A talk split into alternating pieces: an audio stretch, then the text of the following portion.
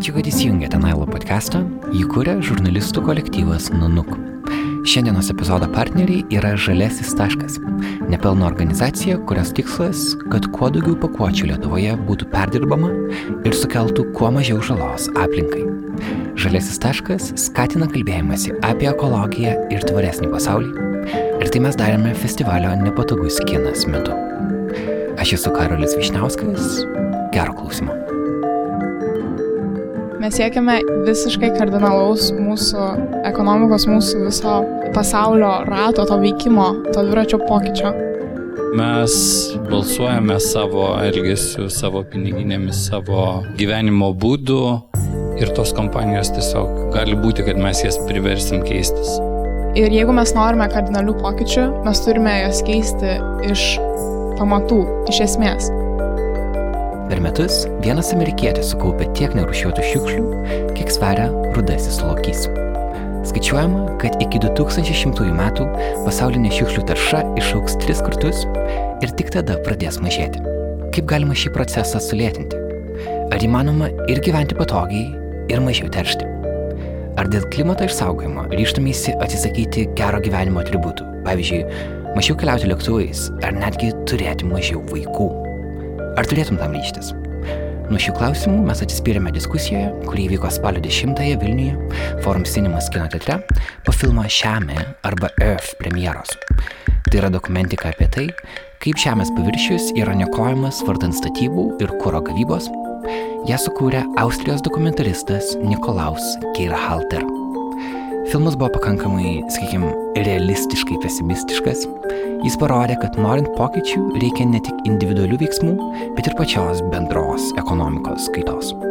Tad diskusija buvo iš dviejų dalių. Iš pradžių kalbėjome, ką mes visi galime padaryti individualiame lygmenyje, o tada jau perėjome į politinį ir bendrai visuotinį lygmenį. Įstraukė ir žiūrovai, buvo įdomus, aštrus pokalbis, kurį pradėjome nuo dalyvių prisistatymų ir jų išanginių minčių. Tad kągi, keliamės į kino teatrą.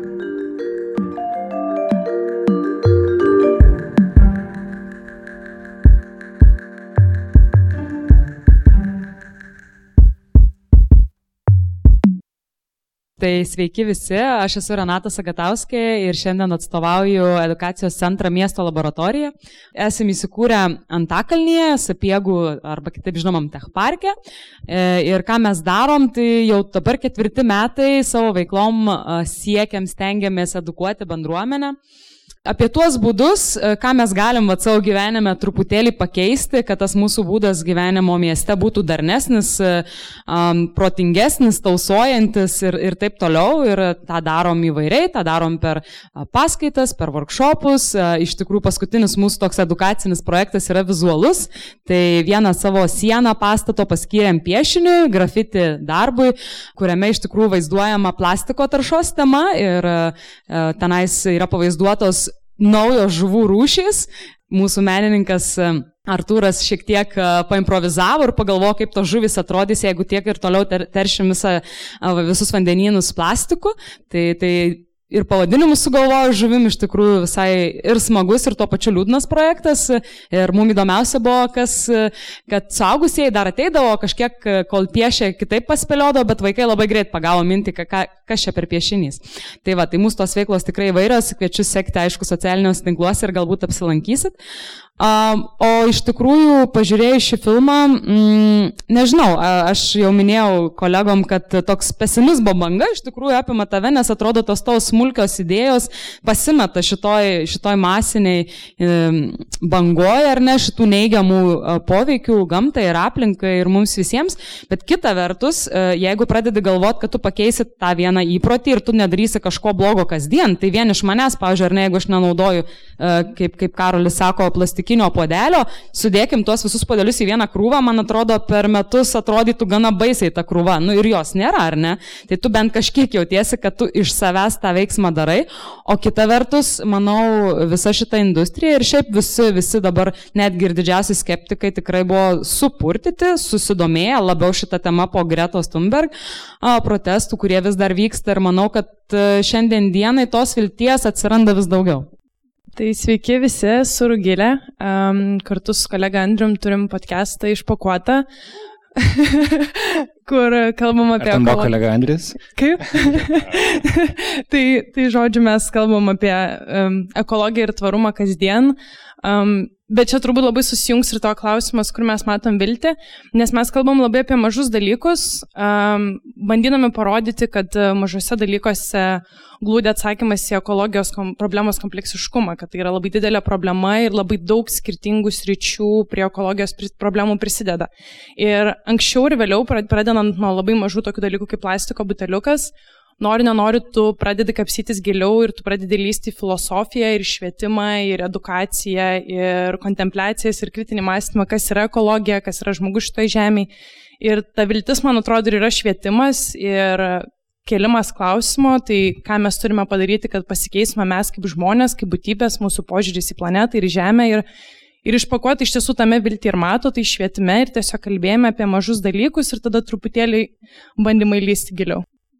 Aš esu Gaudrė Medriskiūtė, aš esu Vilniaus Jėzuitų gimnazijos moksleivė ir jau nuo pavasario aktyviai e, savanoriauju Fridays for Future Vilnius judėjime. Tai yra iš esmės aktyvistų judėjimas, kuris yra visame pasaulyje dabar ir buvo pradėtas e, švedų aktyvistės mergaitės Gretos Thunberg praeitais metais.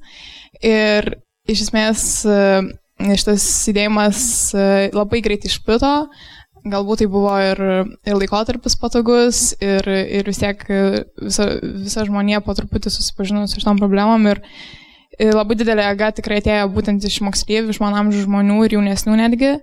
Pagrindinė mūsų veikla yra protestai, tai yra piketai, kuriuos mes rengiam dažniausiai Vinco Kudirikos aikštėje, bet mes užsiemam ir žmonių švietimu, organizuojame įvairias paskaitas ir įvairius projektus, e, performances.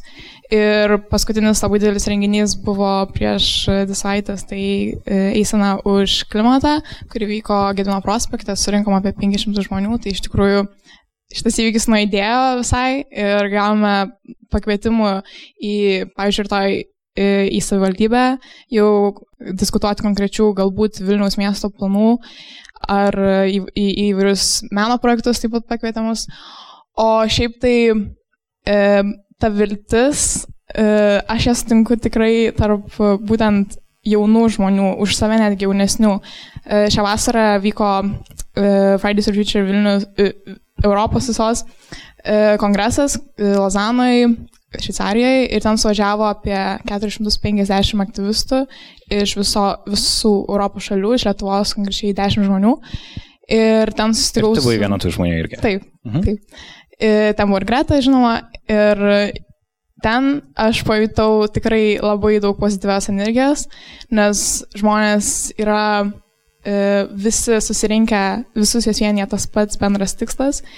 Vi, visi skirtumai ir kažkokie nesutapimai tiesiog išnyksta. Ir tai tikrai yra labai motivuojanti patirtis ir mes pasisėmėme labai, pasėmėme labai daug jėgų ir, ir dabar grįžę į Lietuvą tiesiog e, tai tęsime ir, ir mūsų gretos vis daugėja, e, didėja ir tai va. Tai iš esmės ta viltis yra tiek iš bendramžių ir iš, iš visų sus, susirūpinusių tuo, kas svarbu žmonių. Dėkui. Super, dėkui. Simonas Tarvidas šiandien atstovauja ekologinio dizaino asociaciją Koda. Pats esu vienas jo, jos įkūrėjų. Taip pat esu dizaineris, kuris uh, kuria iš perdirbto popieriaus uh, dalykus. Uh, ir dėstau dizaino kolegijoje tvarų interjerą ir ekologiją. Sveiki, aš esu Miglė iš Urban Reflowers. Su kolegė Laura atidarėme parduotuvę aplinkai draugiškų prekių. Joje galima rasti prekių namams, grožiui, laisvalaikiu. Tai iš esmės e, prekes, kurios padeda e, būtyje ir kasdienėme gyvenime sumažinti plastiko vartojimą ir tiesiog gyventi paprasčiau, švariau ir tvariau. O tos e, prekes, ar ne, ir ta viltis, kaip klausė Karolis, tai ir slypi mūsų atsakingam vartojime. Ką mes kiekvieną dieną naudojam, e, kokias e, atlikas paliekame po savęs, nes tų visų iškasenų ir tų visų išteklių mums reikia mūsų kasdienai. A, dėkui, dėkui šitą įžangą. Ir kalbant apie ką tu gali kaip tu gali keisti situaciją. Yra kažkoks individualus lygmuo ir yra toks bendras didesnis politinis lygmuo ir aš noriu kol kas dar pasilikti individualiam. Ir man įdomu, kad kuris nors iš jūsų pasidalintumėt savo kažkokią asmeninę kelionę į kažkokį didesnį uh, suvokimą, kad, aha, ką aš vienas kaip žmogus galiu padaryti, nes pradėjęs galiu nuo savęs, pavyzdžiui, aš prieš porą metų atsisakiau uh, valgyti mėsą, aš atsisakiau automobilio ir pradėjau dviračių visur važinėti. Iš to pajutau kažkokį savo sveikatai gerų, gerų in, gero indėlio, tada, pavyzdžiui, mašina važinėti, tu staupai daug pinigų, a, dėl to, kad tu jie nevažinėjai.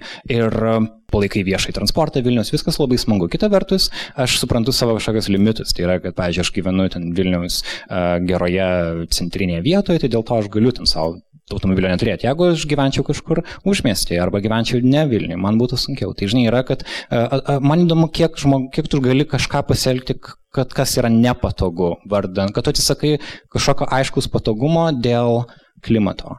Nes čia buvo ir filme tokia išlikšta mintis, kad, nu, bet, bet negi dabar mes kažką keisim, nes, nu, taip jau, taip jau yra. Ir tarkim, pažiūrėjau, aš nesu neskridęs lėktuvu, nes kaip man kitaip ten nukeliauti. Žinai, aš mielai keliaučiau traukiniu, bet Lietuvoje tu sunkiai gali traukiniais keliauti į kitas šalis.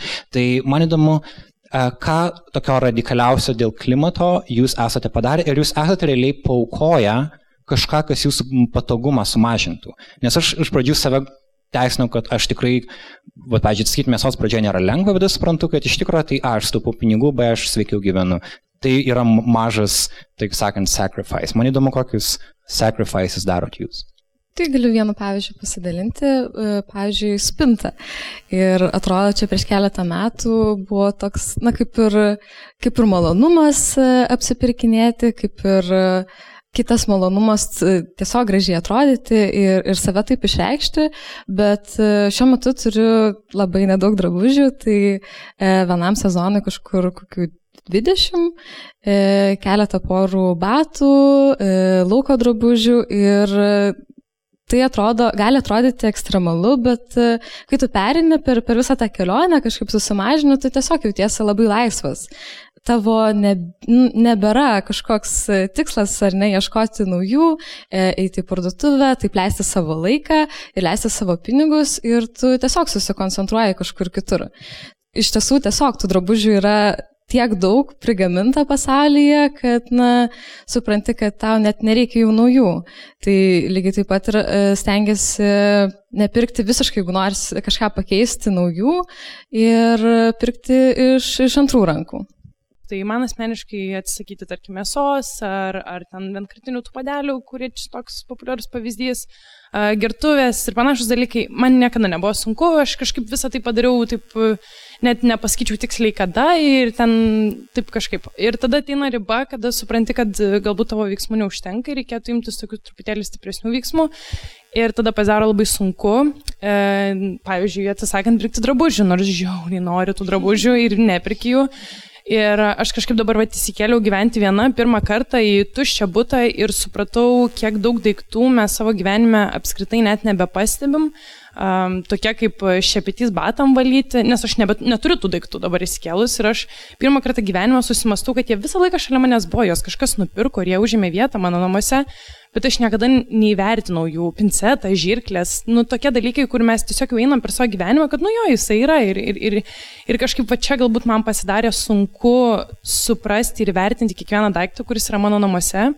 Ir kiekvieną daiktą, kurį aš įnešu į savo namus, paklausti, ar man jo tikrai reikia ir kokia yra jo ekologinė vertė, ar aš nepalieku kažkokios žalos, ar, ar aš niekam nekengiu, kad tas daiktas pas mane namie atsirastų, galbūt yra alternatyvų, galbūt jau tai, kas yra namie, yra opcija. Tai Čia truputėlį pasidaro sunku ir vietomis net, na, liūdna. Nežinau, manau, žmonėm, kurie e, lenda truputėlį tą radikalizmo tokią pusę, siūlyčiau e, nepykt ant savęs, e, dažniau atleisti savo, kad darot kažką negero ekologijai, nes pati esu buvusi tokiose situacijose netgi savo galvoje, kada, nu, pradedi kažkokį lūžę tašką patiri, kada tu supranti, kad tu visos, viso pasaulio problemų neišspręsi Ir ne, negali visą laiką pykti ant savęs dėl to, kad visas pasaulis yra toks ir kad tu gimėjai tokiam pasauliu, koks jis dabar yra. Tai, Tai čia yra turbūt sunkiausia ir radikaliausia. Tu tiesiog mažom pergalėm džiaugtis. Tai būtų tavo. Kad jeigu Taip. tu neį parduotuvę drabužį ir nenusipirkai Taip. drabužio, kuris tau gal patiko, tai jau yra mažas laimėjimas tau. Taip, tik tai atsiranda toks momentas, kad vieną, kai dalyką jau įtraukia į savo gyvenimo būdą, tada iš karto kos, aha, tai ką dar galiu padaryti. Ir šitas nuolatinis tokia kova vid- vidinė, kad ką dar, ką dar, ką dar. Ir kai aš vieną dieną į kavą įsipiliau uh, grėtinėlės ir visą dieną ant savęs pikau, kad aš ne savo gamintą vižų pieną piliausi į kavą, aš supratau, kad nu, nebėra normalu, kad, nu, arba kad aš mano į- įskeliau į būtą ir jame buvo vienas muilo gabaliukas paliktas. Ir aš visą dieną prasinervinau, kad kodėl man paliko tą muilą, dabar aš jį turiu sunaudot, aš turiu savo muilą, mano muilas ekologiškas ir visi šitie dalykai, nu, kaž, kažkur, kaž, ties kažkuria riba reikia truputėlį savo atleisti. Okay, dėkui. Kas dar svarbu, ar ne, mes esame jauni ir dauguma atsisakom tų, nu, tokių, vat, įpra- keičiam savo būti, vėl aš, pavyzdžiui, indus dabar nesu soda plaunu, tai su vyru irgi konfliktų daug turėjau, kad čia šepetys atsirado soda ir dabar čia jokio indo ploviklio ar jokios kempinės, sako, kas čia per nesąmonį. Tai čia, ar ne, o ką daryti dabar su tėvais mūsų, ar ne, kurie iš tikrųjų žmonės praktiški ir, tarkim, na, mano tėvai gyvena provincijoje mm, ir jiem kai kurie dalykai, nu, jie, ne, ne, jie negeria kavos, tai jiem čia net ne problema, turiuomenį negeria išsinešimui kavos. Bet tada ką jiem pasiūlyti, kaip jie gali prisidėti. Tai aš po visų irgi šitų smulkių pokyčių pradėjau galvoti, o ką galima padaryti didesnio. Nu, ir man, pavyzdžiui, tai buvo turbo atradimas, aišku, čia visai nauja ir ne visiems tą galima pasiūlyti, kai Lietuvos energija dabar pasiūlė nusipirkti virtualiai e, Saulės energijos bloką pagal tau suvartojamą elektros energiją.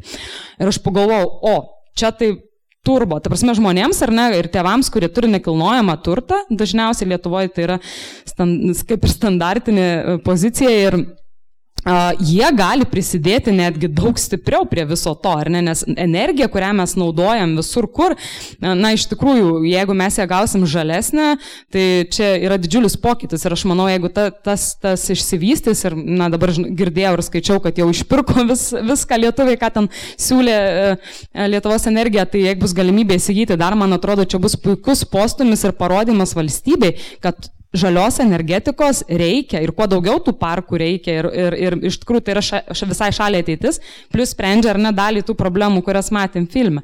Tai man vat, patinka, kad netgi pradeda ar ne valstybė kartais netgi galbūt iš ekonominio aspekto, nes vėl mano tevam turbūt pagrindinis irgi yra ekonominis e, naudingumas šito sprendimo, ne ekologinis, bet net jeigu žmonės tą darys iš ekonominės naudos, Tai bus didelė nauda kaip šalutinė jiems sustainability arba darnumo ar ne, tai tik tuo geriau. Tai man visos šitos mados labai patinka ir jeigu žmonės tame mato ne ekologinį, bet ekonominį naudingumą, tai gerai. Kiekvienas, kaip, kaip teisingai paminėjai, turi savo argumentus ir jeigu tas argumentas jam geriau veikia, nesvarbu, ko vedami jie tą daro, svarbiausia, kad tas teigiamas pokytis vyksta.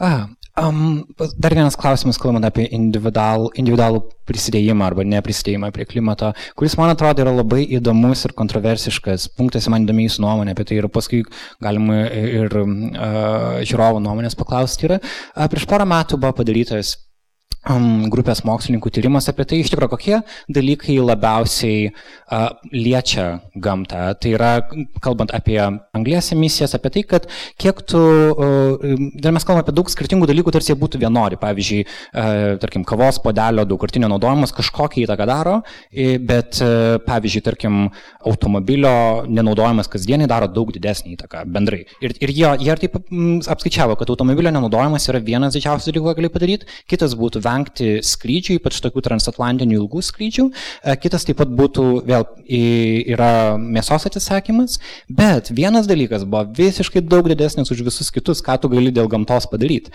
Ir, ir, ir jis yra turėti vienu vaiku mažiau. Ar iš jūsų kas nors turi vaikų? Okay. Ar iš jūsų kažkas planuoja turėti vaikų? Nes yra tas argumentas, kad vien paties žmogaus atsiradimas dabartiniai sistemai, kaip jeigu imam to, kad žmogus yra dar vienas gyvūnas, naikinant kažkaip kenkiant, na, nebūtinai kenkiantis, bet vartojantis gamtą, tai ką, kartais ką tu gali padaryti yra tiesiog neleisk dar vienam kenkėjui atsirasti. Ir dalis klimato aktyvistų, jeigu kalbam apie radikalizmą, laikosi tos nuomonės. Ir man labai įdomu būtų, jeigu tu naitum pas, nežinau, pas savo mačiutę ir klaustų, kur mano nukai, aš sakyčiau, mačiutę. Žinokit, dabar nėra geras laikas, nes Žemė dabar turi problemų ir dar vienas žmogus teršia daug. Jis vartoja viską ir net jeigu jis vartos daugkartinį kavos podelį, jis vis tiek vartos. Ir man įdomu, ką jūs apie tai manot, kur yra ribos ir ar įmanoma pažadėti, pavyzdžiui, mūsų, tarkim, vaikam užaugus po 20 metų, kad jie turės kažką geriau negu tai, ką matėm filme dabar. O galbūt tikrai vaiko turėjimas galbūt nebėra etiškas iš principo, nes yra žmonių, kurie taip galvoja, ar man įdomu, ką jūs apie tai galvojate. Na, iš esmės nežinau, ar tai sprendžia problemą, jeigu mes na, neturėsim vaikų. E, manau, kad mes iš esmės turim kažką keisti, kad, kad patys nesusinaikintume. Ir ką mes labai pastebim, e, pas mus, tarkim, ateina jauni žmonės ir iš tiesų jie yra kažkokie kitokie, atrodo, kad jie jau e, tiesiog turi kažkokį tą geną e, aplinkosaugos, kad, na, e, nežinau, kažkaip jie patys yra e, labai sąmoningi ir ieško sprendimų.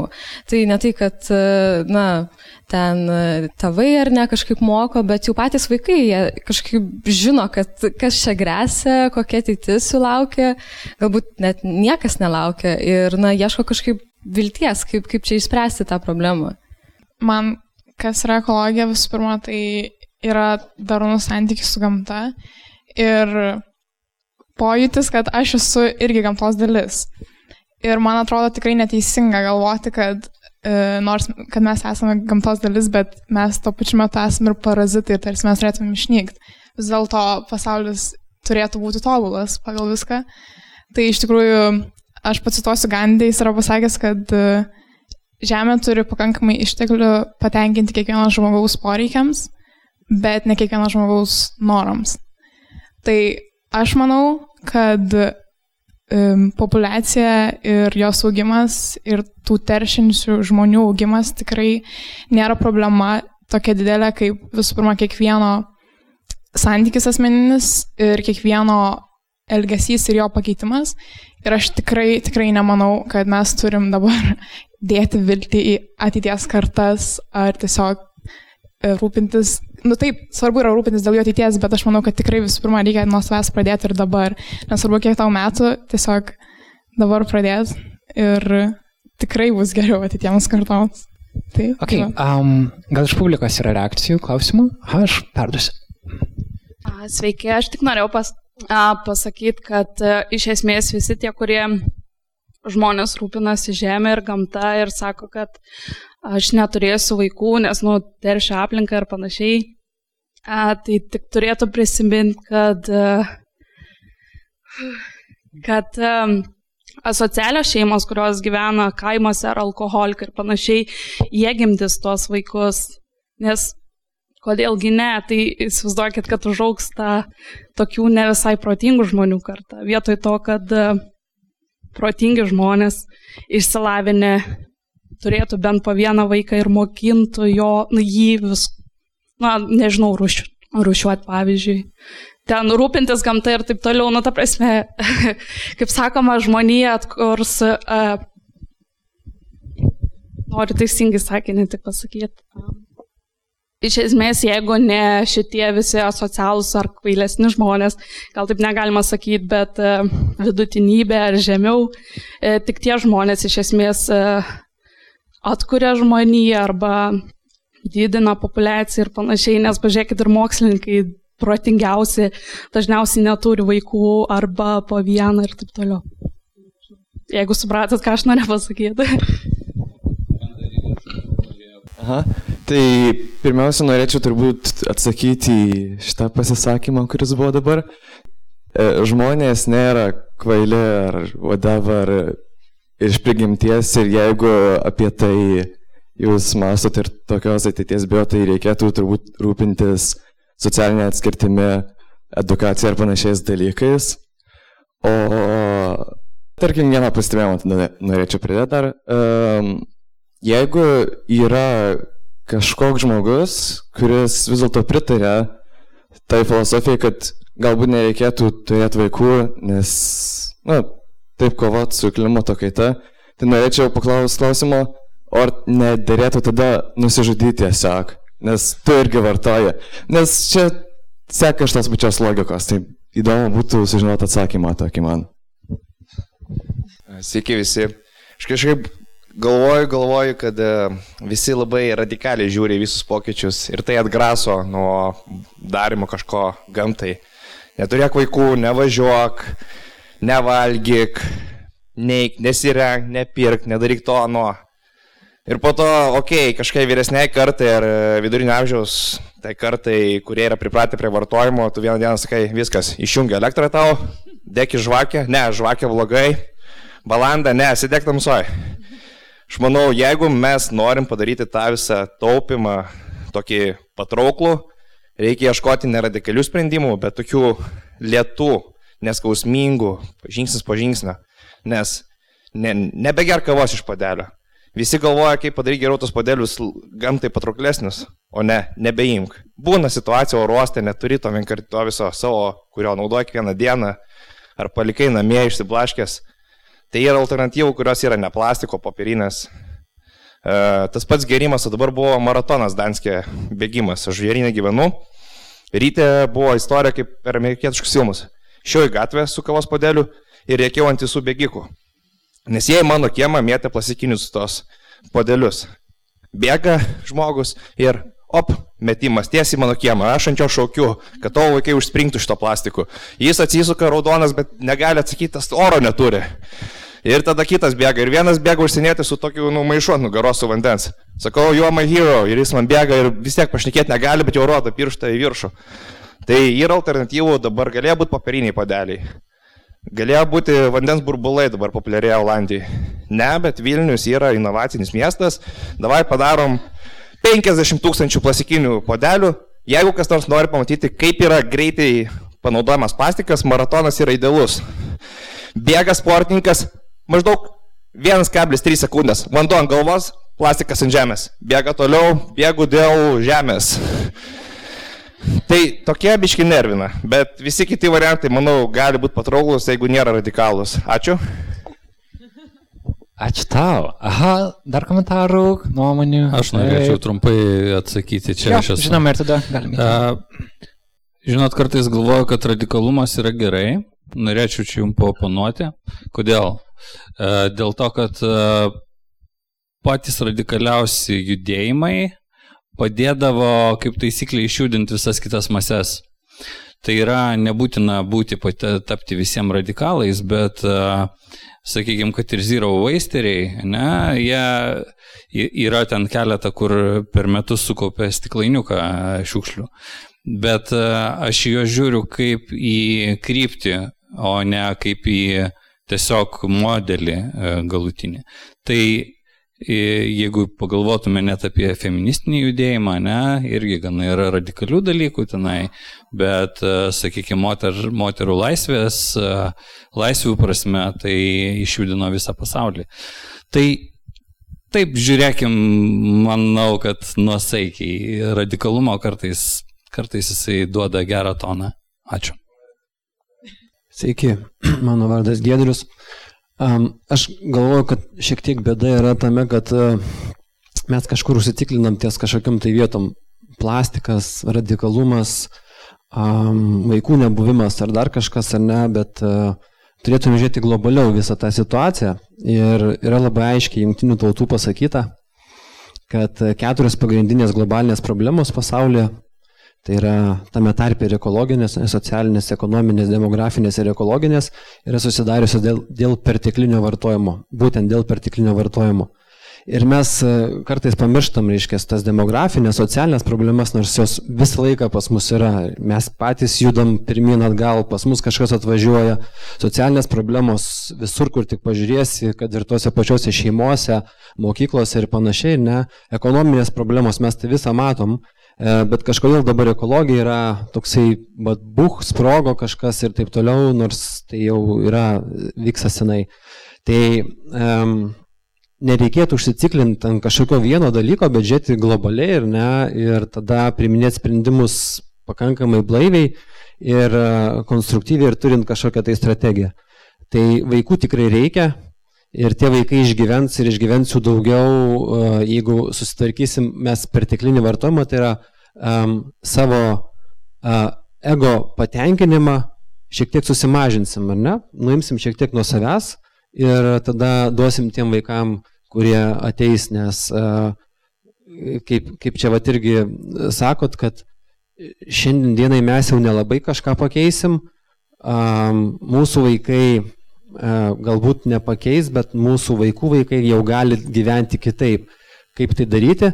Mums reikia duoti intenciją šiandienai, duoti tą žinutę teisingą, kad mūsų vaikai augintų savo vaikus jau kitoje platmėje ir kitam, kitam, kitoj kokybei.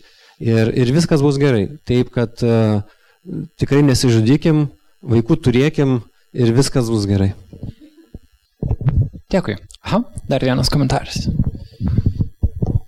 Aš tik norėjau trumpai pasisakyti tą klausimą pasiūlymą apie nusižudimą. Tai aš galvoju, kad visi mes čia, kurie esame, mes neturėjom pasirinkimo būti ar nebūti, už mus tai nusprendė tėvai, bet mes būdami čia, mes turim tiesiog pasirinkimą, ar, mum, ar mes norim vaikų ar nenorim. Ir turim teisę nuspręsti ir kiekvienas nuspręs asmeniškai, ar jis nori kažką dar vieną gyventoją paleisti žemę ar ne. Tai man atrodo, nuo to reikėtų pradėti.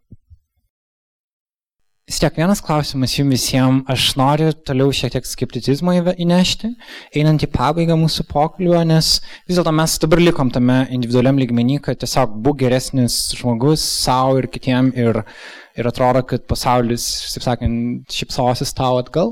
Bet prieš, iš tikrųjų vakar Guardian paleido uh, naują tyrimą, kuris parodė, kad iš 20 kompanijų pasaulyje atsakingų už trečdalį uh, taršos, kas susijęs su, uh, jo, apskritai už trečdalį um, Ten buvo, kad nesuklyščiau, buvo tiesiog carbon emissions. Ir, žodžiu, 20 kompanijų pasaulyje atsakingos už trečdalį taršos. Uh, daugiausios kompanijos yra naftos, anglės ir dujų ir jos yra, mums, da, dalis jų yra gerai žinomos. Pavyzdžiui, uh, Chevron yra antroje vietoje, trečia yra Gazprom, ketvirta yra ExxonMobil, pirmoji beje yra iš Saudo Arabijos Aramco, vadinasi, taip pat yra Shell kompanija. Yra pakankamai nedaug žmonių tų kompanijų viršūnėse, kurie realiai yra sprend, priima sprendimus. Nėra taip, kad vienas žmogus, bet jeigu mes čia sėdėm sakom, kad vienas žmogus daug negali, tie žmonės iš tikrųjų daug gali savo grinai elementariai verslo piramidai. Bet jie daro viską, kad um, jiem nieko keis nereikėtų. Tas pasiūlymas parodė, kad jau nuo 65 metų buvo žinoma apie naftos, anglės ir dujų gavimo visą tarš, tarsi, šalutinį efektą Bet tas tyčia buvo metamos pajėgos kažkaip tai kvestionuoti, parodyti, kad mm, yra kažkoks mokslininkų, yra taip sakančių, bet dalis sakančių kitaip, kad e, iš tikrųjų viskas yra daug sudėtingiau negu atrodo. Ir pavyzdžiui, kada 16 metais Donaldas Trumpas kandidatavo tapti JAV prezidentu, Exxon, Chevron ir taip pat BP, anksčiau buvo British Petroleum, irgi vieni didžiųjų teršėjų, jie visiems davė minimum 500 tūkstančių JAV dolerių jo kampanijai. Ir Trumpas turbūt yra žinomiausias toks pasaulio klimato kaitos neigėjas. Tai, tai nėra taip, kad tarpme, tai, tai ta kova yra tokia. Mūsų galbūt, sakykime, yra daugiau po vieną sudėjus tų, kurie nori kažką padaryti, bet grinai verslo logikoje yra pakankamai nedaug žmonių, kurie turi didžiulę įtaką. Ir aš vėl grįžtu prie to, ar jums tas netrodo, kad kad mes truputį tam tikroje de, deliuzijoje tokia gyvenam, kad tu susikūrė aplink save kažkokį tokį eko rojų, bet realiai tu, tu žinai giliai, kad tu truputį apgaudinėjai save ir galbūt tiesiog vardant psichologinės ramybės, tau reikia to, nes kitaip tada atrodo, tada viskas tampa beprasmiška. Ir jeigu jūs šitą argumentą, manau, kaip nors apversti aukštyn kojom, aš labai džiaugsiuosi ir man įdomu, ką jūs apie tai manot.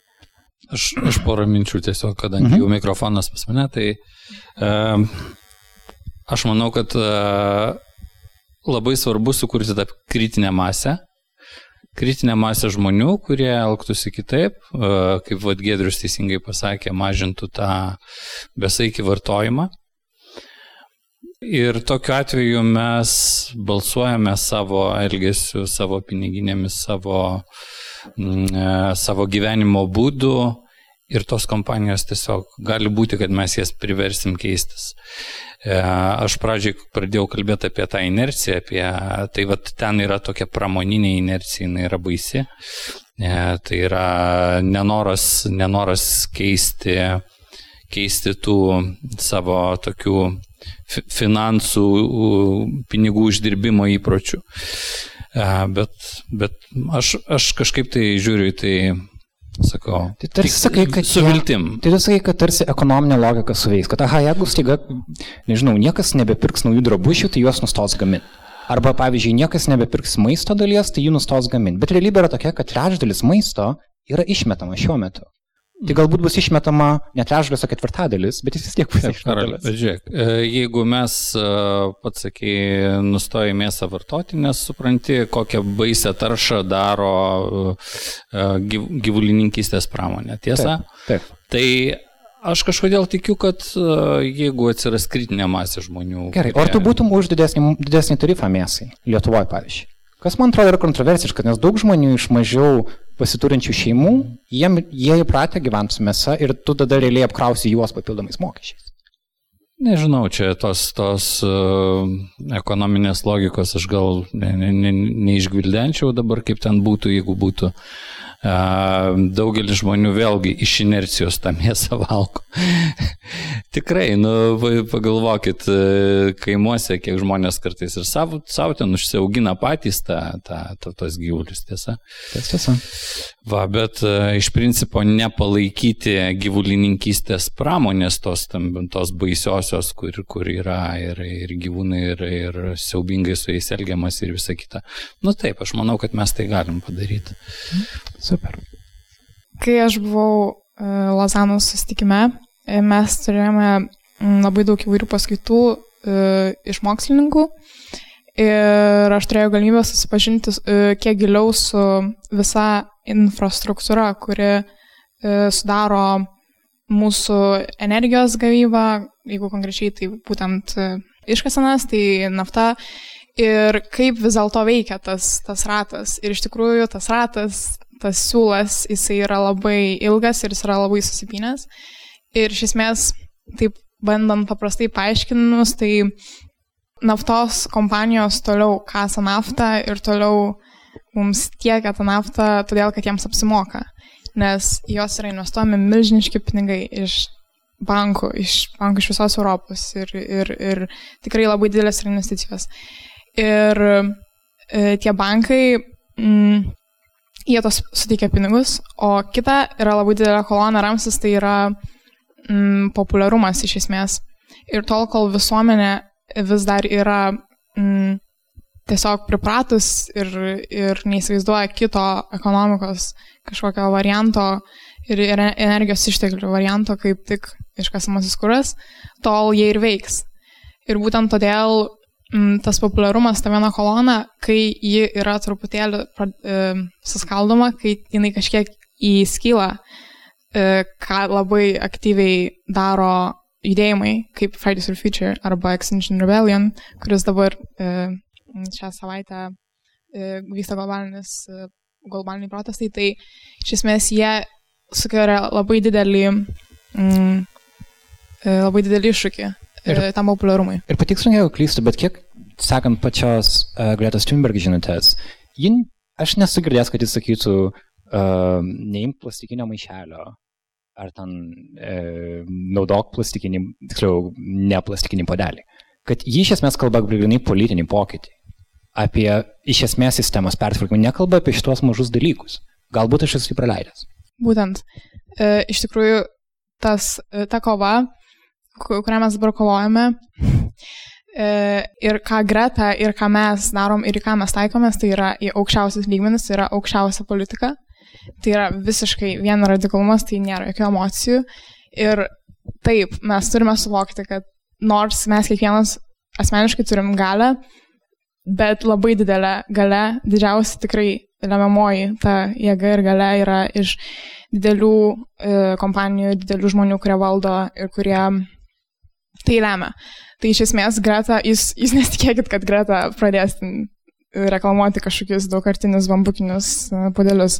Taip nebus, nes ji žino, ką, žino ko reikia, ji žino, e, ką ji daro, ji e, yra nustaikiusi į tuos būtent pamatus, tas, tas pagrindinės, e, vienu žodžiu, mm, jėgas, kurios, kurios tai varo ir mes tikrai to neišvengsim. Jeigu mes norim keisti šitą visą dalyką, tiesiog grauti šitą sistemą, tai iš esmės mes turim ją grauti iš pačių galingiausių vietų ir pačių iš esmės stipriausių vietų.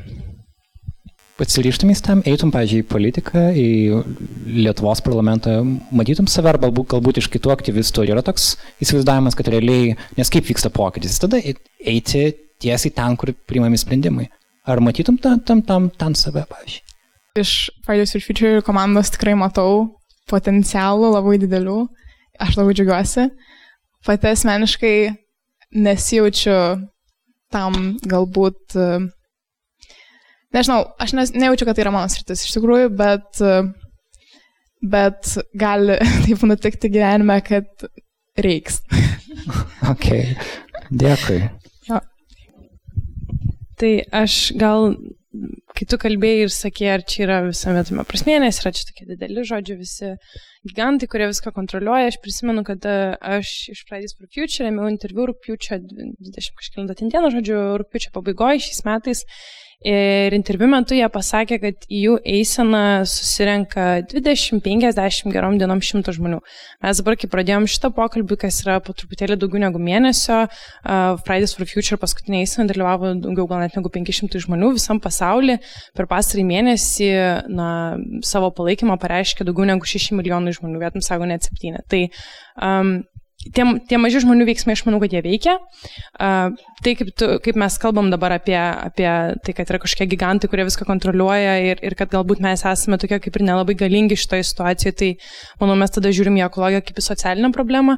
Socialinių problemų žmonijos istorijoje mes turėjom daug. Mes turėjom seksizmą, vis dar turim, rasizmą, homofobiją, tai yra um, didžiulės problemos, bet ekologija, kuo jis skiriasi, kad tai yra problema, kuri absoliučiai visus vienyje. Uh, tai nepriklauso nuo lyties, rasės, orientacijos orientacijos nuo nieko. Tai yra visų absoliučiai problema ir tie maži dalykai, kuriuos mes darom, e, kažkokie atsisakymai tam tikrų produktų, boikotavimai kažkokių parduotuvių, tai yra mažos rezistencijos formos, kurios yra be abejo reikalingos. Mes negalime tiesiog uh, viena pusė tiesiog kategoriškai taikytis į valdžią arba tiesiog kategoriškai naudoti kažkokius tai kremukus ekologiškus. Man atrodo, kad mes turime tai stengtis daryti iš vien. Vienas žmogus viso to padaryti galbūt ir negali, bet uh, mes po truputį vienijamės ir labai smagiai pasiskirstome galiomis. Mes turime žmonės, kurie dalyvauja eisenose, mes turime žmonės, kurie eina į politiką, mes turime žmonės, kurie praktikuoja waste gyvenimo būdą namuose, auginant vaikus, filosofija, literatūra ir panašus dalykai. Mes po truputį skverbiamės ekologiją visose srityse ir man atrodo tai yra labai smagu ir viso to pabaigoje tikslas yra, kad mes pakeistume savo filosofiją, kad mes kaip žmonės žiūrėtume į pasaulį ir į save šitoj žemėje kitaip. Ar mums tai pavyks, čia niekas negali garantuoti, bet e, kad kažkokia viltis matosi vien per šitą mėnesį, tai aš manau, kad ta viltis tikrai yra.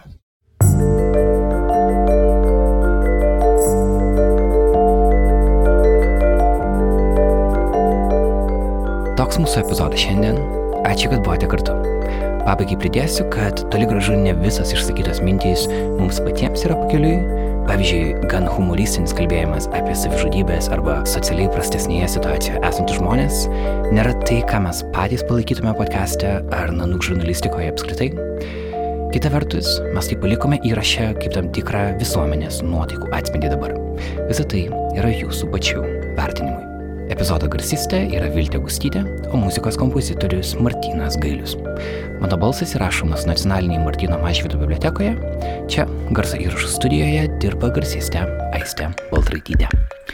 Na LLT pamatykite diskusijas fotografijas, jų autorius yra Artūras Morozovas.